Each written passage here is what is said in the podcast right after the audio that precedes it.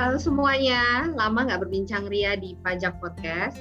Tentunya karena kesibukan dan lain hal yang harus diprioritaskan.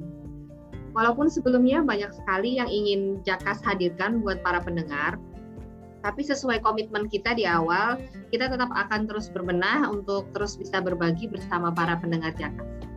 Mengawali tahun 2021 ini, Jakas punya sederet rencana ke depan untuk berbagi kepada pendengar, tentunya masih seputar isu-isu fiskal dan perpajakan. Kali ini tema kita agak sedikit unik. Kita mau mengajak para pendengar yang mungkin saat ini sedang galau, kira-kira mau berkarir sebagai sebagai apa sih ke depannya. Karena kita berkecimpung di dunia akuntansi dan perpajakan, tidak jauh-jauh ya karir yang terpikirkan biasanya adalah menjadi auditor atau bekerja di BUMN atau multinational company tapi tidak sedikit juga lulusan-lulusan ilmu akuntansi punya minat ke dunia karir perpajakan. Karena memang di dalam kurikulumnya ada mata kuliah akuntansi perpajakan. Hari ini kita mengundang narasumber nih yang merupakan seorang mantan uh, konsultan di bagian perpajakan di salah satu Big Four di Indonesia. Beliau ingin berbagi dan memberikan highlight mungkin kalau karir di dunia uh, akuntansi perpajakan itu juga menarik membangun dan membuat yang terlibat di dalamnya juga akan berkembang. Namun sepertinya uh, belum terlalu banyak yang berminat ke sana. Mungkin hari ini kita bisa mendapatkan pencerahan gitu yang bisa digunakan sebagai bahan referensi buat siapa pun yang ingin melanjutkan karirnya di dunia perpajakan. Cuma sebelumnya uh, karena sudah lama kita nggak berbincang-bincang di podcast pajak ini, saya mau menyapa dulu sahabat saya di podcast yaitu Bunga. Bunga gimana kabarnya? Halo Mbak Ica, baik.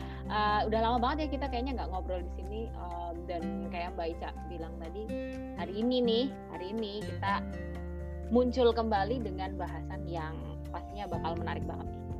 So kita langsung aja ya. Jadi uh, para pendengar yang setia, kali ini bincang-bincang kita uh, akan dipandu oleh uh, Bunga seperti biasanya. Semoga bermanfaat ya. Uh, waktu dan tempat saya serahkan ke Bunga. Oke. Silakan Bunga. Oke, terima kasih Mbak Ica.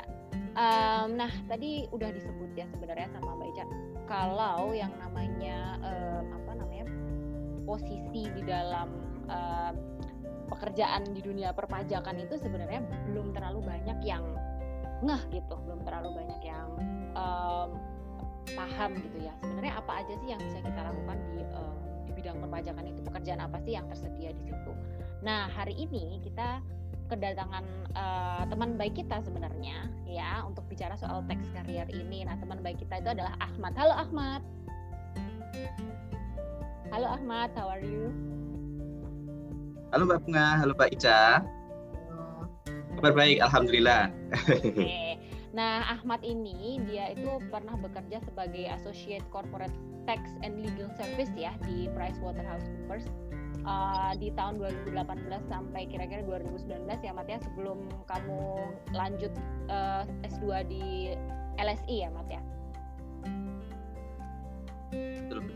Nah, ya terus habis itu uh, Ahmad setelah dari selesai dari S2 di LSI dia kemudian bergabung di uh, Fakultas Ekonomika dan Bisnis Universitas Gajah Mada.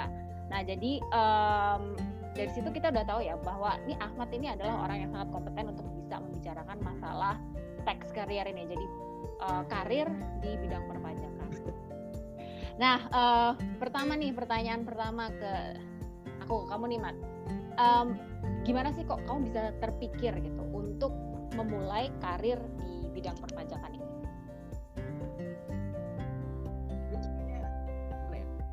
Dari dulu emang tertarik sama dunia perpajakan. Ya uh, yang pertama itu berkaitan sama sektor publik gitu kan. Jadi ya, selain perpajakan aku juga punya interest di dunia sektor publik gitu ya. And apa ada banyak-banyak isu yang apa complicated di sana. Itu yang pertama. Yang kedua bukan hanya berkaitan dengan sektor publik saja tapi perpajakan itu adalah semacam apa ya intersection antara dunia bisnis dengan dunia uh, sektor publik itu sendiri. Jadi bagaimana interaksi antara dunia bisnis dengan dunia uh, sektor publik itu itu sangat apa ya kelihatan banget lah kalau kita belajar di perpajakan. Nah, selama ya sejak kuliah sejak mungkin semester 3 atau 4 kayak gitu memang banyak ambil mata kuliah yang terkait dengan perpajakan dan sektor publik juga kayak gitu. terus sampai apa selesai kuliah kayak gitu aku masih apa ya istilahnya masih sangat mempertahankan uh, ketertarikanku pada uh, dunia perpajakan. Tapi ada time aku juga uh, menghindari apa pekerjaan-pekerjaan uh, yang sifatnya itu uh, kontaknya jangka panjang gitu. jadi kurang fleksibel atau apa. Jadi saya ya aku aku memutuskan untuk nggak memilih apa CPNS misalnya ya CPNS di sektor pajak instead aku malah nyari konsultan pajak kayak gitu dan uh, istilahnya ideal ya uh, memang interest saya di situ terus uh, ada semacam uh, apa ya keinginan untuk kerja secara fleksibel dan itu muncullah keputusan untuk itu. ini oh, Oke, okay. okay. Ahmad coba deh. Uh, tadi kan kamu sempat menyebutkan ya bahwa sebenarnya bisa loh memilih untuk jadi CPNS uh, di Direktorat Jenderal Pajak gitu. Um, mau cari insight sebenarnya dari kamu. Uh, di dalam karir perpajakan ini tuh pekerjaan apa aja sih yang yang ada gitu yang bisa kita pilih? Terkait dengan dunia perpajakan hmm, ya. Sebenarnya ada banyak pilihan kayak gitu? Terkait dengan bidang perpajakan tapi secara umum bisa dibagi menjadi tiga ini bukan tiga empat empat kali ya empat uh, jalur buat uh, teman-teman kalau mau memilih uh, karir terkait dengan perpajakan pertama ya, kerja sebagai fiskus alias jadi uh, pegawai di Direktorat Jenderal Pajak. Pertama itu. Dan sudah jelas ya kalau kerja di DJP berarti ya urusannya melayani wajib pajak dalam menjalankan uh, kewajiban perpajakannya. Kadang-kadang juga uh, berkaitan dengan penegakan hukum uh, perpajakan gitu kemudian kalau teman-teman apa seperti aku gitu ya ah aku nggak pengen uh, ini nih uh, kerja yang istilahnya itu kontraknya itu kontrak yang pajak atau kontrak yang digit ya gitu atau wah aku kurang berminat ya kalau kerja di ini apa di instansi publik seperti pemerintahan kayak gitu. Ya teman-teman bisa apa tetap bisa uh, bekerja di bidang perpajakan lewat konsultan pajak tadi ada berbagai uh, perusahaan konsultan pajak di Indonesia ya. ya teman-teman bisa mencari dari apa uh, perusahaan Big Four itu kan salah apa mereka juga uh, konsultan pajak yang sangat apa istilahnya ya hmm, reputable kayak gitu dan cukup aktif juga di Nah, kalau konsultan pajak pekerjaannya nanti membantu wajib pajak untuk mengurusi uh, urusan-urusan perpajakannya, gitu, termasuk compliance, kemudian uh, terkait dengan pemeriksaan, kemudian dispute eh, resolution kayak gitu. Atau kalau perusahaan ada yang mau apa istilahnya uh, akuisisi atau merger kayak gitu, kadang-kadang juga butuh uh, jasa atau uh, layanan dari uh, konsultan pajak itu yang kedua yang ketiga teman-teman bisa masuk ke corporate kemudian masuk ke departemen perpajakannya biasanya perpajakan itu masuknya eh, kadang-kadang masuk ke departemen akuntansi juga oke nah saya yang terakhir mungkin uh, yang jarang diketahui adalah researcher di bidang taxation. Okay. taxation uh, researcher itu berarti nanti teman-teman lebih apa uh, berkait apa uh, menggeluti semacam apa penelitian kayak gitu ya penelitian penelitian. Baik itu field atau uh, ya istilahnya penelitian di lapangan atau penelitian pakai data sekunder. Kemudian mencari apa apa yang bisa menarik, yang menarik dari uh, aspek Indonesia dan policy atau uh, kebijakan apa yang uh, sebaiknya diadopsi oleh pemerintah. Contohnya seperti itu hmm. so ada empat uh, alternatif uh, channel lah. Oke. okay. Oke, berarti sebenarnya ada empat channel ya dan um, Ahmad masuknya ke tax consultant itu tadi. Nah, Mat, yeah. um, tax consultant ini kamu dari S1 tuh apakah sudah tahu dan sudah aware gitu kan apa yang dilakukan oleh tax consultant uh, atau atau gimana Pak? Kamu mencari tahu atau seperti apa? Kok bisa tiba-tiba channeling oh ya nih ada tax consultant, I think I wanna take it gitu. selain apa yang sudah kamu sebutkan tadi kayak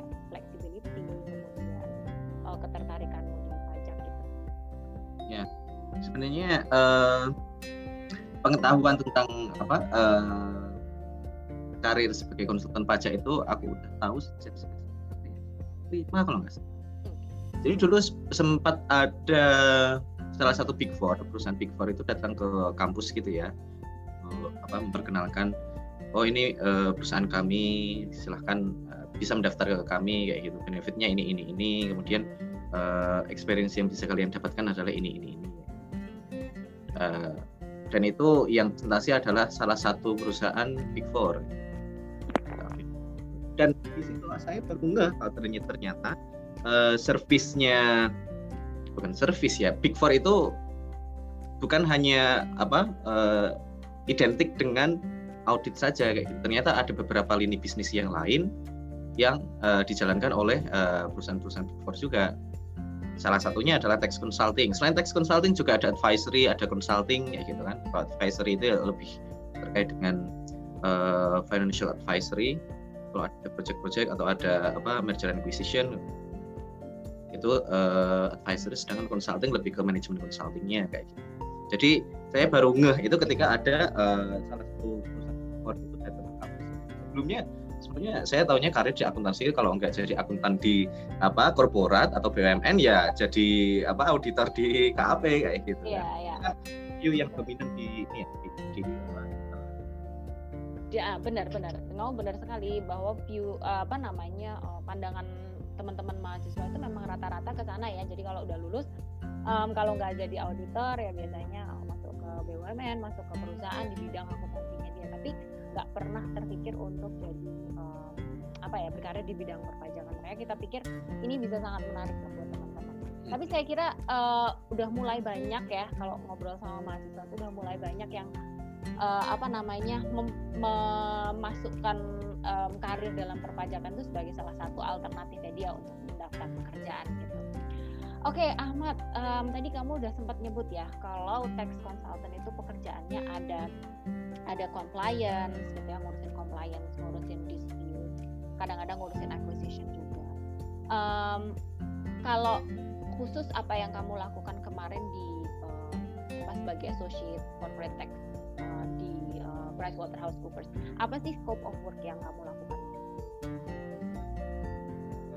jadi dari yang paling sederhana aja ya apa istilahnya uh, fungsi compliance atau kepatuhan pajak nah kalau compliance itu pekerjaannya lebih kayak membantu beberapa aspek uh, compliance sih. Yang pertama ya dari pendaftar gampangannya mendaftarkan NPWP, mendaftar apa uh, bukan mendaftarkan mengajukan permohonan pendaftaran NPWP, kemudian mengajukan permohonan pengukuhan PKP eh, gitu. itu kan kewajiban uh, ya, yang pendaftaran gitu ya kalau di KUP gitu ya.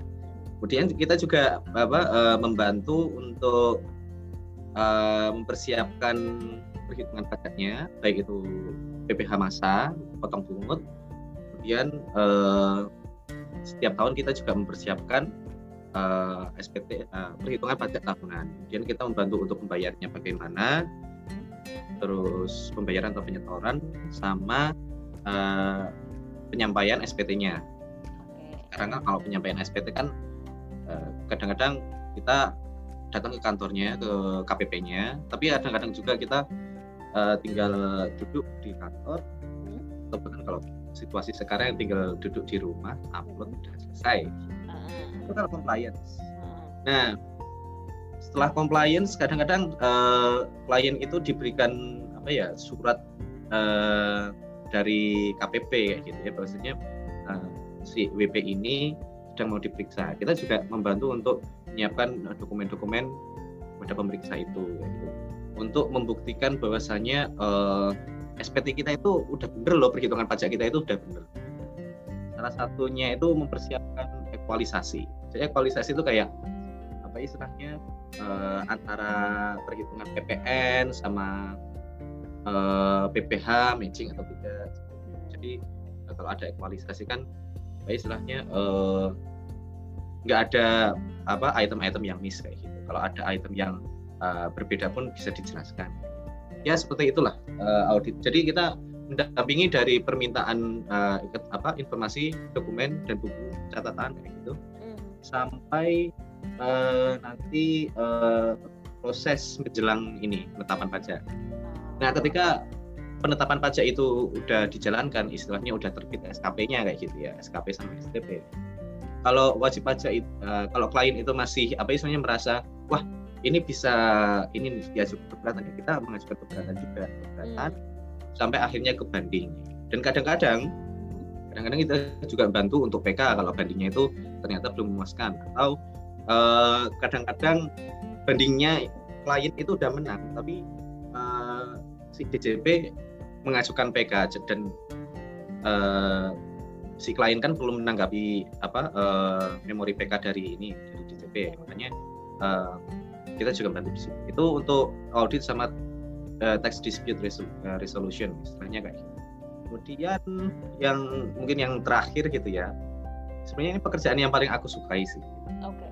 Uh, namanya uh, due diligence. Jadi due diligence itu semacam melakukan riset kepada salah satu perusahaan target yang mau di apa akuisisi sama perusahaan yang hire kita. Oke. Okay. Itu. Terus kita apa uh, semacam jadi pemeriksanya kayak gitu. Iya, iya, iya. Jadi pemeriksa pajaknya, melihat SPT masanya gimana, SPT tahunannya gimana, dicocokkan dengan apa eh, data-data keuangan, kemudian menemukan apa sih risiko-risiko perpajakan yang mungkin akan terjadi apabila si apa uh, apa uh, perusahaan yang hire kita itu uh, mengakuisisi perusahaan ini. Kira-kira dampak ekonomisnya itu berapa rupiah atau berapa dolar gitu. Dan itu akan mempengaruhi nilai aktiva bersih dari perusahaan targetnya itu. Jadi apa istilahnya uh, enggak apa si perusahaan yang mau mengakuisisi itu punya informasi yang lebih uh, lebih baik terkait uh, nilai aktiva bersih ya. dari perusahaan. Iya, bukan berdasarkan laporan keuangan tahunan uh, sebelumnya ya. Oke, okay. oke okay, berarti um, cukup banyak ya tadi yang yang sebenarnya dilakukan sama tax consultant itu dan itu nanti ya tergantung um, kontraknya gitu ya sama perusahaan yang meng-hire ya mau di area apa gitu. Nah Ahmad tadi udah nyebut sebetulnya yang paling disukai adalah due diligence gitu. Kenapa kok kamu suka banget sama bagian itu? What that what so intriguing? Hmm. Ya, yeah, basically it's intriguing.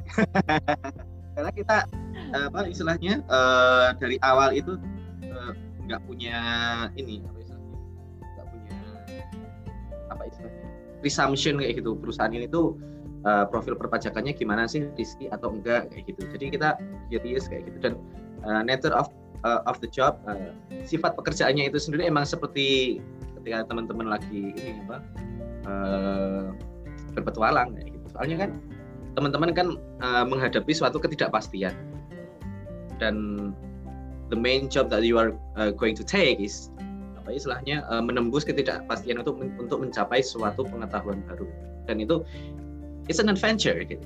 Jadi sebuah apa ya petualangan lah kayak gitu. Oke. Okay. Jadi menemukan sesuatu yang um, tadi yeah. kita nggak tahu sama sekali ya tentang tentang sebuah kondisi perusahaan ya. Oke, ini, ini kayak apa ya? Kayak detektif investiga eh kayak reportase nah. investigatif gitu ya kalau boleh ya.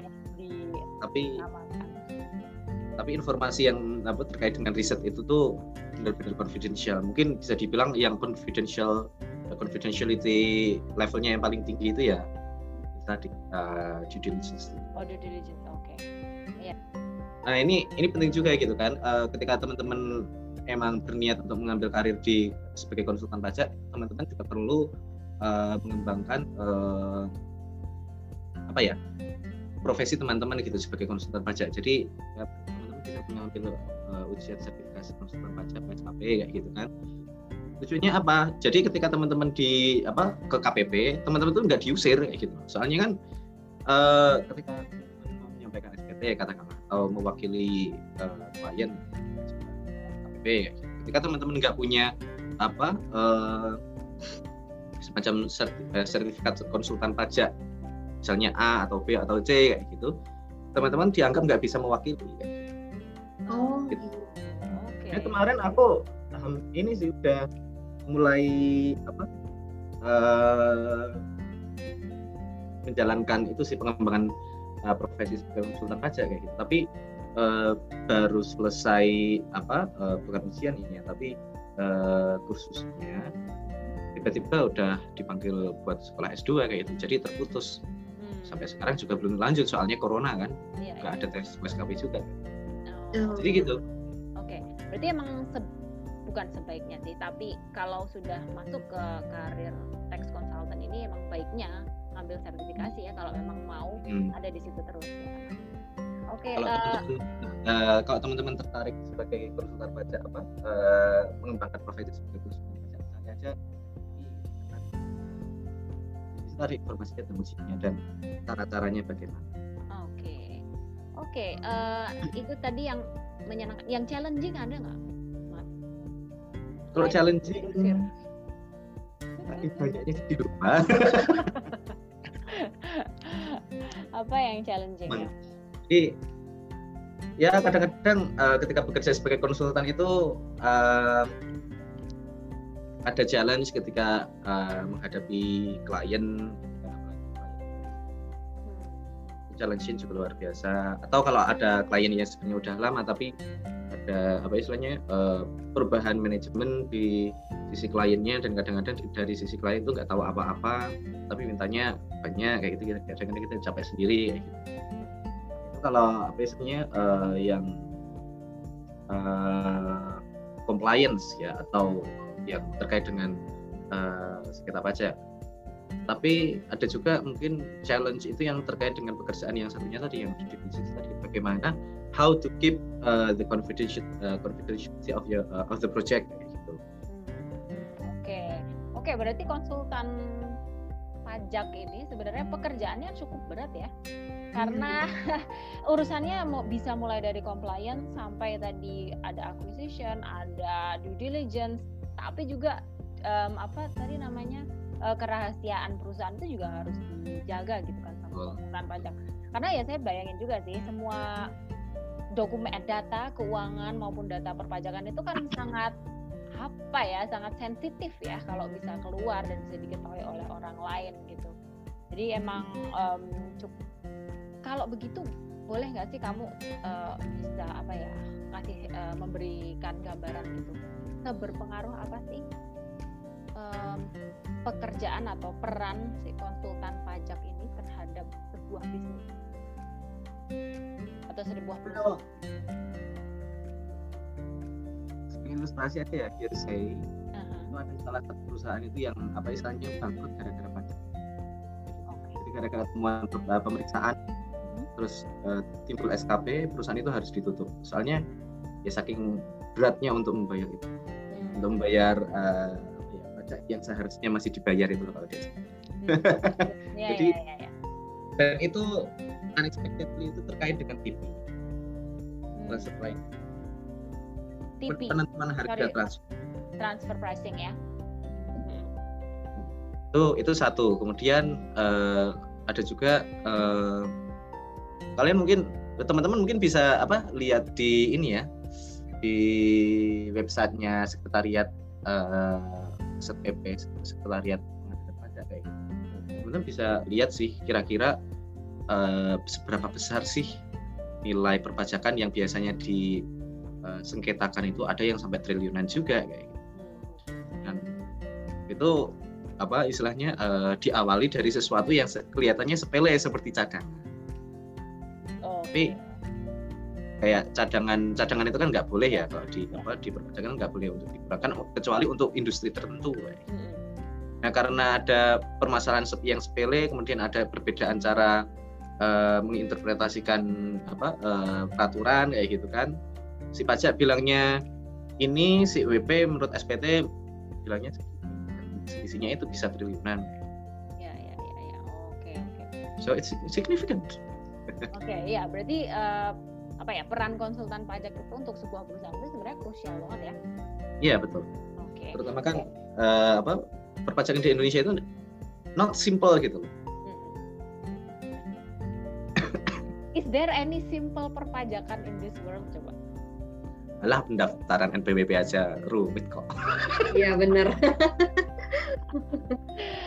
Yes, betul sekali ya. Tapi aja. memang akhir-akhir ini perusahaan perusahaan pemerintah tuh ini ya apa? Uh,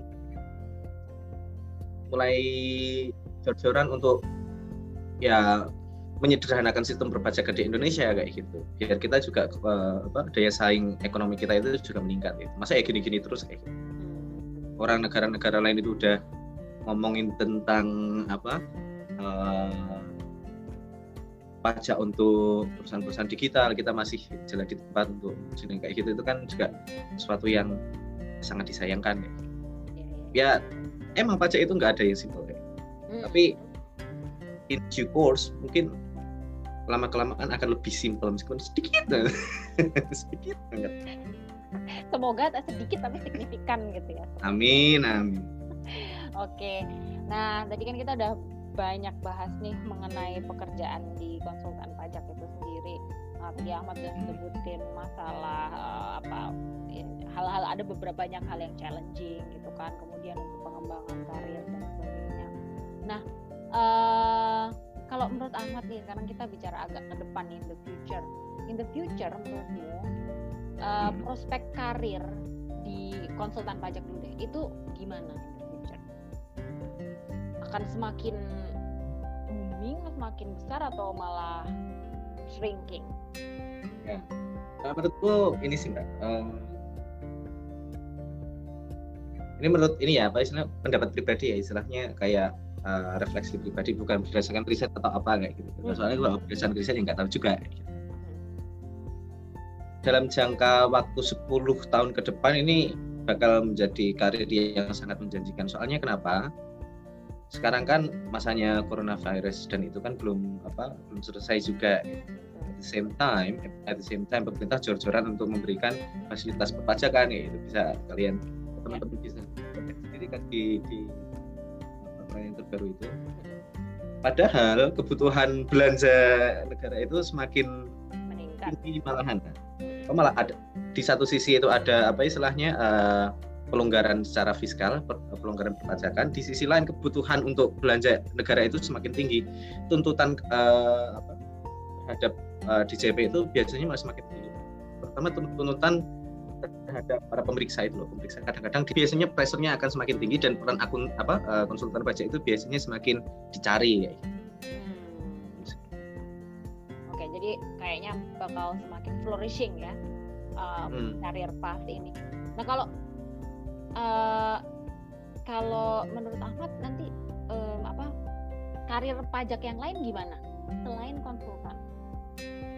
Ya, hmm sama saja sih sebenarnya kayak mau di apa uh, di CP maupun di uh, perusahaan atau di sebagai researcher itu menjadi field yang sangat apa ya uh, flourishing untuk ke depannya kayak gitu. Mungkin at least 10 tahun ke depan kayak gitu. Tapi perlu dicatat juga sekarang kan emang lagi eranya digitalisasi. Kalian teman-teman juga perlu mengembangkan skill terkait digitalisasi itu. And it is real ya gitu untuk terakhir aku di apa di tempat kerja yang kemarin itu kita mulai mengadakan training-training terkait dengan aplikasi-aplikasi tertentu yang belum kita kenal sebelumnya. Misalnya Alteryx, Tableau dan lain and they are really a data science gitu ya data science skills. Itu perlu dikembangkan juga. Bisa nggak kamu elaborate sedikit lebih banyak lagi nih tentang um, digitalization tadi itu? Di bagian yang mana sih yang kemudian uh, terkait dengan pajak itu? Apakah uh, tadi misalkan apa namanya uh, di apps aplikasi tadi itu aplikasi aplikasinya. ya, aplikasi itu tadi membantu di bagian yang mana dan kemudian hmm. itu akan jadi challenge apa sih? Ya sebenarnya itu tuh pekerjaan apa ya skill digital itu tuh bisa membantu teman-teman untuk mempermudah pekerjaan teman-teman sendiri ya gitu jadi uh, kita sebagai konsultan pajak itu sering menerima data dari klien itu bukan berupa data yang indah hmm. yang bisa di apa langsung bisa dianalisis gitu tidak ya? bisa enggak, enggak. kadang-kadang itu messy ya gitu kadang-kadang sih mah sama extent malah agak sering juga gitu itu dan itu apa uh, kalau kita yang handle terus uh, skill manual kita yang handle terus itu memakan waktu yang lama gitu. dan it will uh, charge more hours. Jadinya ya skill kita nggak nggak berkembang gitu. Skill yang sifat analitis itu nggak berkembang. Makanya uh, untuk apa perkara-perkara uh, yang istilahnya that we should not ever touch gitu kayak merapikan data-data kayak gitu ya diserahkan kepada aplikasi-aplikasi yang yang apa istilahnya memang didesain untuk itu contohnya ya kalau nggak salah itu bisa apa mengubah data-data yang campuran antara angka dan apa uh, huruf angka-angka yang ada apa spasinya itu biar menjadi angka yang bisa dianalisis. Kadang-kadang juga bisa langsung di apa istilahnya uh, dikonversi menjadi file CSV. Kalau udah hmm. menjadi file CSV kan kita bisa langsung upload ke. Uh, sistem DTP-nya. Tapi kayaknya nggak nggak sekarang belum. Oke, okay, belum sampai di situ. Tapi mungkin bakal sampai ke situ ya, karena kan kita bicara berapa ya, lima tahun, 10 tahun ke depan gitu hmm. kan. Oh berarti um, tadi juga sempat Ahmad sempat nyinggung it will charge more hours kalau kita melakukan hal-hal yang sangat teknikal seperti itu ya sebagai konsultan mm -hmm.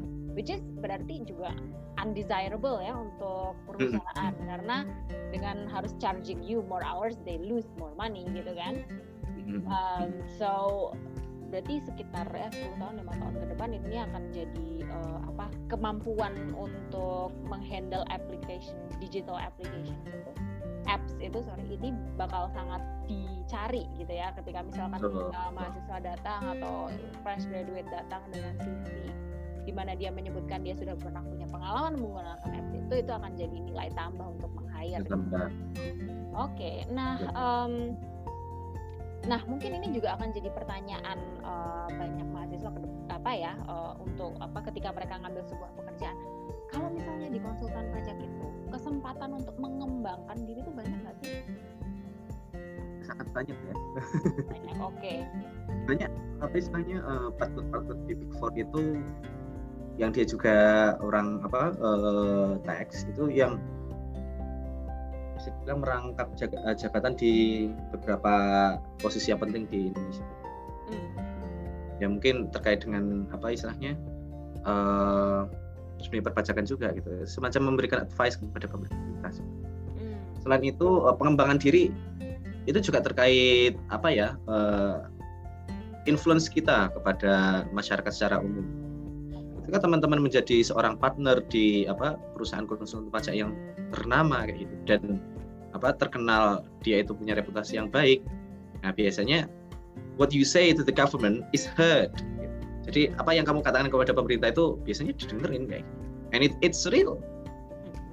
Dari seperti itu ya apa istilahnya uh, memberikan advice kepada pemerintah ini apa uh, sangat welcome pemerintah.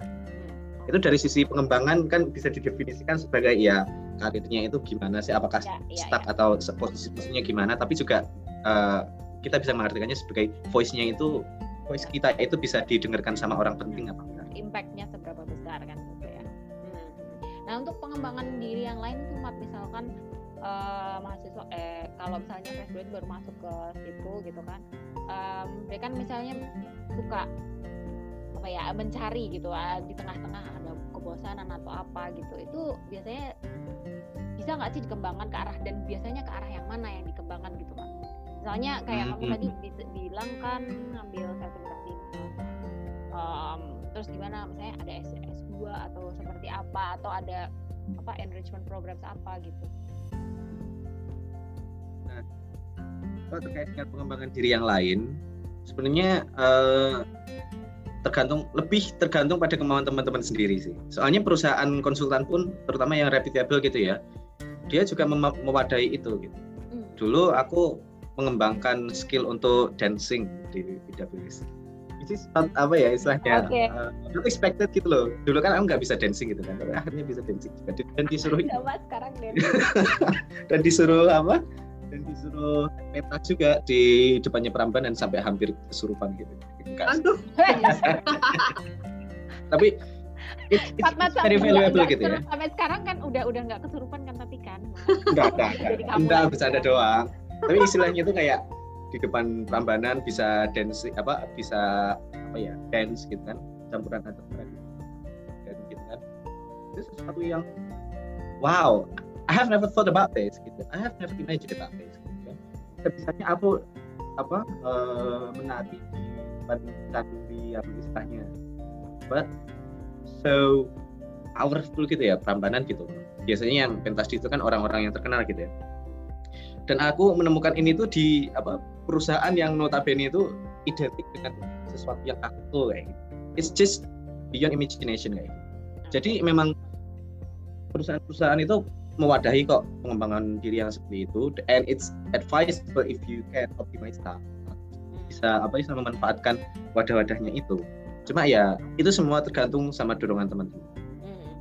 Ya balik lagi ke teman-teman eh, apa ke diri masing-masing ya mau mengembangkan diri ke arah mana, Hmm. mau ngambil path yang mana, gitu ya.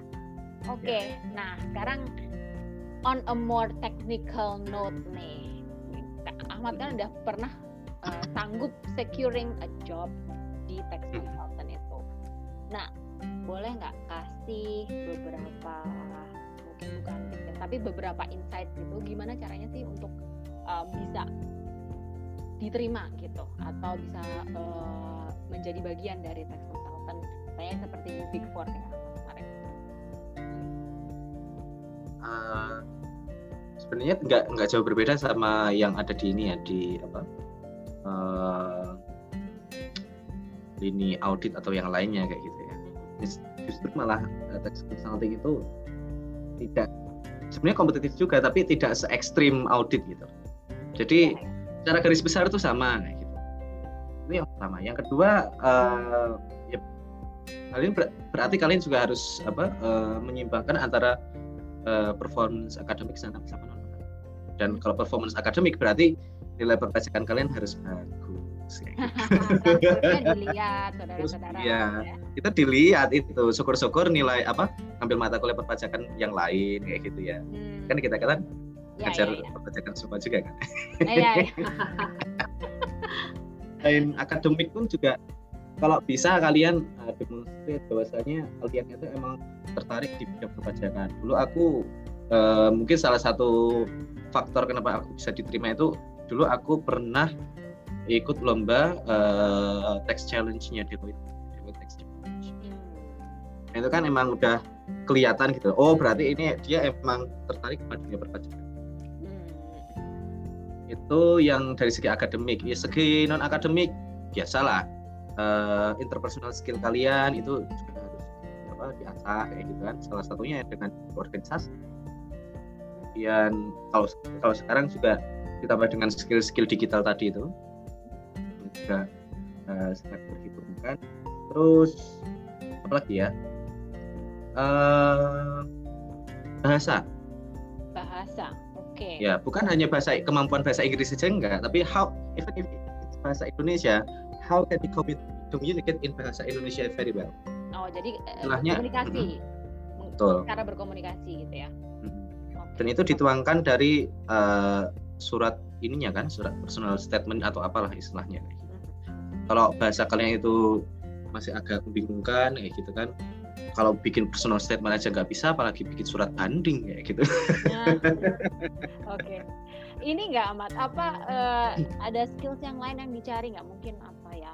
Em, apakah apakah misalkan dengan eh, kalau yang diambil tuh rata-rata yang sudah ngambil brevet gitu. Atau misalkan ada prerequisite yang lain yang sebenarnya itu nggak pernah tertulis di dalam syarat pendaftaran tapi itu yang dilihat sama em, Ya. pemberi kerja. Mm-mm. Kalau punya brevet itu suatu nilai plus ya, dan itu lebih preferable. Tapi aku dulu nggak pernah nggak punya brevet juga. Tapi tanyain, punya brevet enggak atau punya USKP apa enggak? Itu Hmm. sebetulnya. Oke, oke. Mungkin ya ketika ada apa katakanlah ada dua orang yang eh, secara kualifikasinya itu sama gitu, A dan B, secara kualifikasinya sama semuanya sama kecuali satu. Yang satu itu punya brevet atau SKP yang satunya enggak. Of course yang punya apa uh, brevet itu yang akan dipilih kalau emang harus memilih Oke. seperti itu. Ya, ya, ya, ya. Jadi eh, kalau teman-teman memang considering benar-benar considering untuk masuk ke karir perpajakan mungkin ambil brevet adalah jalan yang tepat gitu ya. Kadang-kadang ya oke. Okay. itu baru SKP sekalian sekalian dapat sertifikat iya ya. okay. itu mempengaruhi ini sih uh, evaluasi kinerja juga jadi kalau punya SKP kayak gitu ya biasanya nilainya pasti dinaikin nilainya pasti naikin oke okay. uh, Ahmad ini mungkin on a, on a side note gitu um, di teks di beberapa uh, kalau aku lihat beberapa perusahaan consulting itu kan ketika ada ujian eh, apa namanya ada rekrutmen mereka akan memberikan seperti kasus gitu ya jadi yang direkrut itu nanti akan ayo ya kerjain case dulu gitu kan bagaimana kamu solving the case dan sebagainya. Nah kalau di PwC kemarin pengalaman Ahmad aja. Itu apakah ada step seperti itu juga? Kalau dulu enggak. Kalau dulu itu apa um, lebih ke kalau tes terus itu lebih ke ini apa soal kayak soal soal private oh soal cuma private. ketika apa istilahnya wawancara dengan user nah itu benar-benar di apa istilahnya diuji uh, dari segi kemampuan uh, di bidang perpajakannya kayak gitu. Dan ketika apa sih ya kayak semacam ujian kompre kayak gitu lah. Jadi uji bukan hanya kemampuan apa eh, materi perpajakannya enggak, enggak enggak cuma itu tapi juga how you communicate your ideas kayak gitu Oke, berarti mahasiswa tuh harusnya nggak boleh takut sama kompre ya, karena sebenarnya di setiap lini kehidupan dia akan menemukan kompre terus-terusan ya, termasuk uh. ketika mencari kerja. Oke. Iya. Oke, mata. Nyari ah. kerja sih itu kompre yang termasuk mudah itu kan, soalnya kalau ketemu sama klien itu selalu menjadi seperti ujian kompre, oh, gitu. ujian skripsi. ya, betul betul betul. Oke, nah Ahmad mungkin ada um, apa ya ada insight lain dari kamu yang pengen kamu sampaikan tapi tadi aku belum nanya gitu well apa ya sebenarnya apa uh, kalau insight lain kalau bicara ini ya uh, teman-teman konsultan pajak yang ada di kantor dulu ya hmm. itu kok yang dari UGM kok sedikit banget gitu. Oh, ini okay. ini yang di UGM kayak gitu. Ah, ah, ah. masih sedikit itu coba teman-teman UGM dari mana kebanyakan dari mana kalian aja kebanyakan uh, kebanyakan yang dari ya uni-uni yang ada di Jakarta juga ya. dan oh. kebanyakan PTS Oke. Okay. Nah coba teman-teman juga explore itu lebih dalam, jangan cuma ke audit aja kayak gitu kan. Hmm. Kalau teman-teman audit itu banyak di apa dari UGM itu banyak di Pajak itu langka banget kayak apa ya ya udah kayak burung dodo lah gitu kan udah hampir punah gitu. Burung dodo udah punah ya. Tahu, kayak komodo hampir punah. Komodo tuh masih ada. Oh komodo masih ada kalau komodo. Kalau dodo udah enggak ada. Nah itu saking jarangnya dan itu pun udah mulai mereteli termasuk salah satunya kan aku. Iya iya iya iya ya. ya gimana okay. UKS banyak keluar iya iya. Iya menarik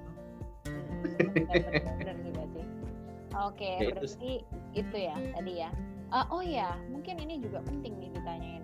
Uh, ketika kamu masuk pertama kali uh, bekerja gitu ada skill-skills yang kamu belum punya dan kamu kemudian menjadi um, apa ya harus belajar itu secara mandiri gitu ya skills technical skills sih sebenarnya kalau udah bekerja. Dan kemudian kamu harus jadi belajar mandiri dan you wish you had known that before. Ya sama. Itu ya practical skill tentang perpajakan. Soalnya kita belajar pajak itu cuma satu semester satu kelas udah, eh, apa udah dibikin ekspres kayak gitu. Jadi nggak nyangkol nggak punya bayangan di apa di di otak kayak gitu. Secara praktik gimana sih itu? Itu itu yang pertama yang paling substansi. Yang kedua itu agak ecek-ecek sebenarnya ya. Excel oke. Okay. eh tapi itu itu itu itu nggak cuman itu di mana-mana sih. Maksudnya di pekerjaan yeah. mana pun tuh Excel itu tuh persoalan itu tuh muncul selalu muncul. itu selalu muncul. Ya teman-teman itu harus dibiasakan untuk apa istilahnya uh, belajar uh, skill-skill terkait dengan Microsoft Excel itu sebaik mungkin. Dan ya ya itu sih kayak formula-formula yang biasanya dipakai itu kayak VLOOKUP, HLOOKUP, count if gitu kan. Bagaimana cara menggunakan pivot itu juga bakal membantu banget. I wish I had that skill before pas aku pertama kali masuk ke uh, ya mungkin bisa dipersiapkan makanya kan uh, apa juga encourage teman-teman ketika latihan-latihan uh, itu latihan-latihan soal perpajakan gitu ya itu kalau bisa juga show that you can uh, use Excel as a as an application as a software. Hmm, yang selain itu lagi ya interpersonal mungkin. Apalagi kan ya masalah klasik ya Jakarta itu agak single bacok gitu loh. Jadi kalau kamu nggak sing kalau kalau kamu nggak single nggak nggak single, itu nggak ada pekerjaan juga. Padahal salah satu apa uh, kriteria apa istilahnya kriteria kinerja itu kan uh, seberapa sukses kamu menghandle banyak project. Istilahnya bagaimana apa istilah skill-skill yang apa ya istilahnya menghandle uh, banyak project dan uh, responsibility-nya bagaimana kayak gitu. Kayak multitasking gitu ya. Jadi Iya, emang untuk apa uh, itu bedanya sama audit adalah ya, itu cenderung multi uh, client. Jadi oh. dalam satu bulan bisa jadi teman-teman nge-handle 10 klien ya gitu dan 10 klien itu ada yang bikin SPT 5, yang uh, dispute 3, yang duanya lagi di due diligence gitu. And it, it's it's the norm. Uh, Mbak Ica mungkin ada yang mau ditanyain nggak ke Ahmad nih soal karir? Ah, ya. Oh, menarik sekali ya saya dari tadi tuh tersihir dengerin tuh kayak dengerin kuliah. Jadi waktu awal-awal waktu dengar Ahmad bicara tentang tipe-tipe pekerjaan yang dia handle, ya tadi ada apa aja tadi ada compliance, ada tax dispute, ada due diligence misalnya. Itu waktu uh, Ahmad menjelaskan tentang tipe pekerjaan yang compliance apa saja yang dia lakukan di sana, itu tuh saya lagi dengar kuliah KUP gitu loh rasanya. KUP itu kan jadi mulai dari uh, mulai dari uh, apa pengajuan uh, NPWP sampai keberatan dan banding itu kan itu kan itu tuh kayak ya, itu kayak kuliah KUP banget gitu loh rasanya. Jadi saya oh wow. Oke okay, jadi itu itu itu yang jadi itu tuh membuat saya berpikiran bahwa oh itu, itu tuh adalah syarat utama berarti buat calon-calon konsultan. Harus paham bener sih KUP ini karena itu kan formalnya perpajakan ya gitu ya. Ya nggak sih mat? Ya jadi itu itu kayak udah oh uh, wajib harus paham gitu ya. Nah tadi karena saya menangkap uh, dari pembicaraannya Ahmad sama Bunga kayaknya syarat awal untuk masuk jadi uh, konsultansi konsultasi service di bagian perpajakan ini tidak harus ya tidak harus USKP dulu gitu ya jadi USKP itu adalah bagian dari pengembangan yang bisa diambil nanti gitu. Selama perjalanan apa benar begitu ya? Mau konfirmasi gitu, ya, lebih tepatnya betul sih. Uh, nanti setelah kali uh, teman-teman apa uh, masuk di garis sebagai pajak ada jalan untuk ini pengembangan profesi sebagai konsultan pajak melalui oh. SKP. Nah, itu difasilitasi. Kalau di tempat saya difasilitasi sih kayak oh. apa uh, les juga di apa dibayarin kayak itu ujian oh, juga dibayarin. Dibiayai, oke. Okay. Aduh senang ya kalau kayak gitu ya. Nah ini nah, ini ini buat para uh, pendengar yang masih galau uh, karir di dunia perpajakan karena gini sih saya sempat sempat juga ditanya oleh beberapa orang yang sedang merencanakan karirnya gitu sangat tertarik di dunia perpajakan mungkin karena kuliahnya begitu ya hmm. atau karena merasa oh ilmunya menarik karena terus berkembang kan ya pajak itu ya tapi terus uh, sempat pada jiper sempat pada sempat pada jiper. Apa sih istilahnya jiper ini? Uh, um ragu-ragu ragu-ragu. Insecure uh. insecure.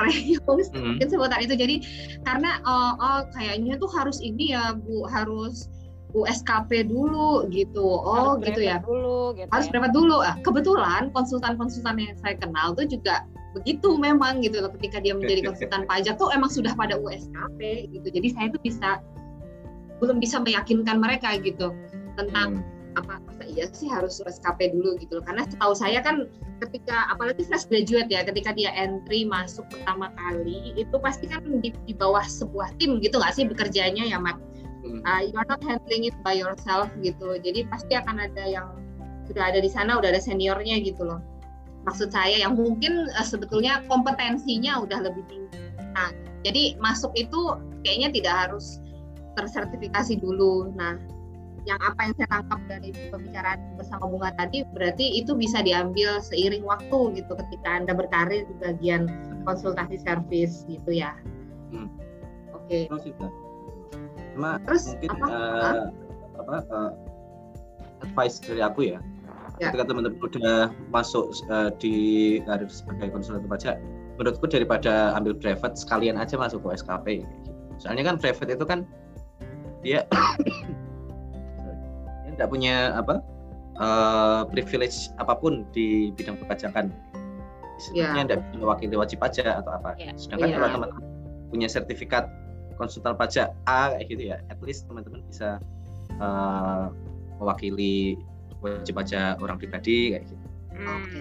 Nah ini juga sih Mat sebenarnya. Jadi yang yang ad, yang ya yang pernah berdiskusi-diskusi dengan saya sih ya, itu mereka mikirnya gini, kalau brevet aja belum, gimana saya mau ujian USKP gitu. Jadi pikirnya tuh hmm. segala ilmu itu hanya bisa diserap melalui brevet gitu. Padahal belum tentu begitu ya Mat ya? Belum tentu.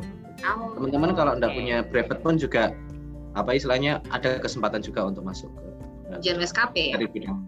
Enggak maksudnya uh, kalau teman-teman belum punya brevet uh. kalau mau ke apa apply konsultasi untuk konsultan tax consultant itu masih bisa juga ah, oke okay. oh, okay. sebagai value edit lah kalau punya private itu uh, lebih lebih ya menambah nilai ya menambah nilai oke okay. oh. jadi apa namanya itu tadi pertanyaan saya yang pertama ya seputar uh, USKP. Saya tuh punya pertanyaan lagi. Uh, tadi kan uh, ketika kamu memberikan uh, apa namanya bantuan bagi wajib pajak untuk memenuhi kewajiban perpajakannya, itu melakukan tadi sebuah proses yang kamu sebut namanya ekualisasi tadi. Ketika kamu menjelaskan ekualisasi, yang saya bayangin tuh kayak kamu melakukan performance gitu ya. Kamu menghitung kembali atau gimana sih melakukan cocok cocokan gitu dengan apa yang sudah dilakukan oleh wajib pajak gitu ya terkait kewajiban perpajakannya. Nah uh, terkait itu sebenarnya konsultasi service ini sebatas apa sih uh, apa ya garansinya gitu? Apakah sampai memberikan assurance atau tidak gitu? Dan kalau misalnya pun tidak ya, karena saya bayanginnya harusnya tidak memberikan assurance kan, karena posisinya adalah konsultan gitu ya. Tapi apakah klien meminta garansi nggak sih seberapa dan seberapa jauh sih klien tuh meminta garansi gitu? Karena kan gini, kalau oh ya namanya urusan pajak tadi yang nggak cuma urusan hitungnya aja yang ribet, proses administrasinya juga ribet kan kalau kita sudah ke KPP, kita dealing sama fiskus tuh pasti ribet gitu. Jadi pasti kan klien itu mempekerjakan konsultan punya harapan kan kayak nggak mau ribet nih gitu atau misalnya atau kalaupun ribet nih seminimal mungkin ribetnya gitu mungkin ya ada istilahnya garansi yang diminta oleh klien atau mungkin tax konsultansi service ini punya level-level sendiri terkait garansi kepada klien, Mat? Sebenarnya uh, profesi konsultan pajak itu kan profesi yang sudah diatur ya, gitu ya. termasuk uh, antara konsultan dengan klien. Dan di kami uh, kita juga nggak ngasih terkait dengan hal itu ya nggak ngasih garansi kesuksesan ya gitu. Ya. Sebabnya kita uh, menawarkan fixed rate pada klien. Ya itu di apa dipenuhi kayak gitu kan. Ketika nanti apa berhasil ya alhamdulillah. Kalau enggak berhasil ya sudah kayak gitu. Impactnya kan nanti si klien mau milih uh, perusahaan konsultan lagi eh, konsultan itu lagi apa enggak? Udah itu saja. Iya. jadi tidak ada garansi at all. Oh, makanya itu penting ya menjaga kompetensi ya sebagai apa namanya orang yang berkarir di dunia perpajakan tadi ya baiklah Oke, mungkin itu sih pertanyaan dari saya bunga mungkin okay. dari ada Oke sudah jadi um, kalau tadi sih dari saya udah ya uh, mungkin ada sepatah dua patah kata penutup gitu dari Ahmad penutup uh, podcast tentang karir di, di bidang perpajakan. Hmm. Ya, kalau teman-teman tertarik untuk mendalami dunia akuntansi yang penuh dengan adventure, masuklah sebagai konsultan pajak. itu aja. Oke. Oke, oke. Jadi Oke, okay. thank you banget Ahmad. Jadi uh, tadi teman-teman kita sudah bahas banyak sekali tentang uh, tax consultant, mulai dari um, pekerjaannya seperti apa, scope of worknya, kemudian prospeknya ke depan seperti apa, kemudian juga um, apa apa sih yang harus dibutuhkan untuk bisa menjadi seorang tax consultant. Dan ternyata yang ternyata nggak banyak orang tahu adalah bahwa tax consultant itu kamu kalau masuk sebagai tax consultant di sebuah perusahaan eh, apa namanya uh, company seperti PwC atau uh, tax consultancy lainnya itu tidak harus sudah punya brevet, tidak harus sudah ber USKP gitu ya. Jadi ketika kamu nanti masuk di situ, kamu bisa berkembang juga di dalam situ gitu. Jadi jangan ragu untuk mengconsider uh, line of career dari uh, di bidang perpajakan itu tadi. Oke, okay, thank you banget Ahmad. Sangat insightful, sangat banyak tadi yang bisa kita peroleh gitu ya uh, ilmunya dan juga uh, tambahan pengetahuannya gitu. Um, terus um, I think itu itu yang itu yang bisa uh, saya apa namanya ya saya sampaikan. Um, sekian yang bisa saya sampaikan dan saya simpulkan dari apa yang sudah kita bicarakan dengan Ahmad tadi. Mungkin back to you Mbak Ica. Ya uh, apa sih sama seperti bunga? Kalau menurut saya menarik sekali hari ini ya. Sebelum sebelum ini kan kita belum pernah sama sekali mengang, mengangkat isu terkait karir karena isu-isu yang kita angkat di pajak podcast uh, itu kan biasanya terkait peraturan-peraturan perpajakan, urusan kebijakan maupun urusan administratif. Dan selama bincang-bincang ini saya sendiri juga cukup tercerahkan gitu. Kalau jadi kalau nanti nih ke depannya ada yang tanya-tanya tentang karir di dunia perpajakan, saya bisa merefer ke sini. Ya, karena tadi ini lengkap loh, nggak cuma urusan konsultasi pajak juga. Ada insight dari Ahmad tentang apa aja karir pajak selain konsultan. Terus uh, oh ya di awal saya uh, mungkin lupa menyampaikan ya kalau bincang-bincang kita kali ini itu merupakan bagian dari podcast Laboratorium Akuntansi Departemen Akuntansi Fakultas Ekonomika dan Bisnis Universitas Gajah Mada. Sehingga selain bisa didengarkan pada kanal Jaka, uh, baik dan Bunga, ini bisa didengarkan juga di kanal podcast Lab Akuntansinya FEB kali ini, ini merupakan salah satu program dari uh, eh, PSST atau Pusat Kajian Sektor Publik dan Perpajakan. Uh, kemudian terima kasih juga Ahmad atas kesediaannya ya untuk berbagi hari ini. Semoga bermanfaat buat kita semua, terutama buat para pendengar yang sekarang sedang merencanakan karirnya dan sebetulnya punya minat di dunia perpajakan, tapi bingung mau jadi apa ya gitu. Terus uh, semoga semoga yang mendengarkan akan mendapatkan pencerahan bagi para pendengar setia pajak podcast uh, sambil menikmati waktu senggang saat weekend atau lagi istirahat bisa juga lo masuk ke kanal uh, podcast Laboratorium Akuntansi Departemen Akuntansi Fakultas Ekonomi dan Bisnis UGM yang juga akan mengeksplorasi lebih banyak isu yang tidak hanya isu-isunya tidak hanya di dunia perpajakan. Ada pendidikan akuntansi ada uh, terkait akuntansi regulasi dan juga keuangan, juga ada terkait UMKM. So I think it's a wrap for today. Sampai jumpa di podcast series Laboratorium Akuntansi FEB UGM dan Pajak Podcast by Bunga dan Ica yang lainnya, plus narasumber-narasumber yang kompeten di bidangnya. Sampai jumpa.